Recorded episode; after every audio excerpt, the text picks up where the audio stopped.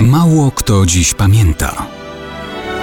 Datownik historyczny prezentuje Maciej Korkuć.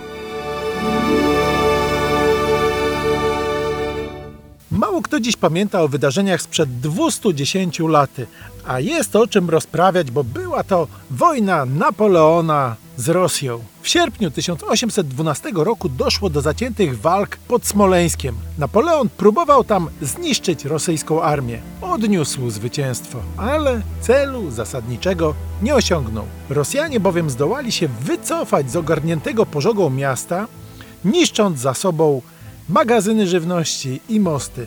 Cesarz Francuzów musiał więc wybrać: cofnąć się i przeczekać zimę, aby ponownie ruszyć wiosną, czy też podjąć próbę szybkiego rozstrzygnięcia, tak aby w przeciągu kilku tygodni doprowadzić jednak do całkowitego zniszczenia sił rosyjskich. Napoleon wybiera to drugie. Wielka armia więc znowu rusza do natarcia, prze w kierunku Moskwy. W tym czasie car zmienia swoje dowództwo. Komendę powierza generałowi Kutuzowowi. Wśród rzesz ludności rozszerza jednocześnie propagandową wizję antychrysta z Francji, przed którym należy uciekać na wschód, niszcząc zapasy żywności i dobytek. W takich okolicznościach dochodzi do bitwy pod Borodino koło Morzajska nad rzeką Moskwą. To najkrwawsza bitwa tej wojny, która kończy się właśnie 7 września 1812 roku. Samych generałów tam padło aż 90. Francuzi stracili 30 tysięcy żołnierzy, Moskale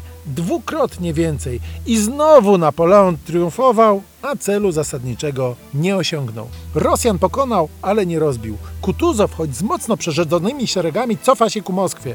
Uzupełnia straty rekrutami i słabo uzbrojoną milicją. To za mało, aby skutecznie stawić czoła Napoleonowi, ale wystarczająco, aby wciąż kontynuować kampanię, oddając Francuzom opustoszałą Moskwę. Rosjanie przygotowali ją do całkowitego wypalenia. Wzniecone przez nich pożary wyniszczą 7 ósmych całego miasta, pozbawiając Francuzów i ich sojuszników żywności i jakichkolwiek nadziei na szybkie zakończenie kampanii. Ot historia sprzed dwóch stuleci i jednej dekady.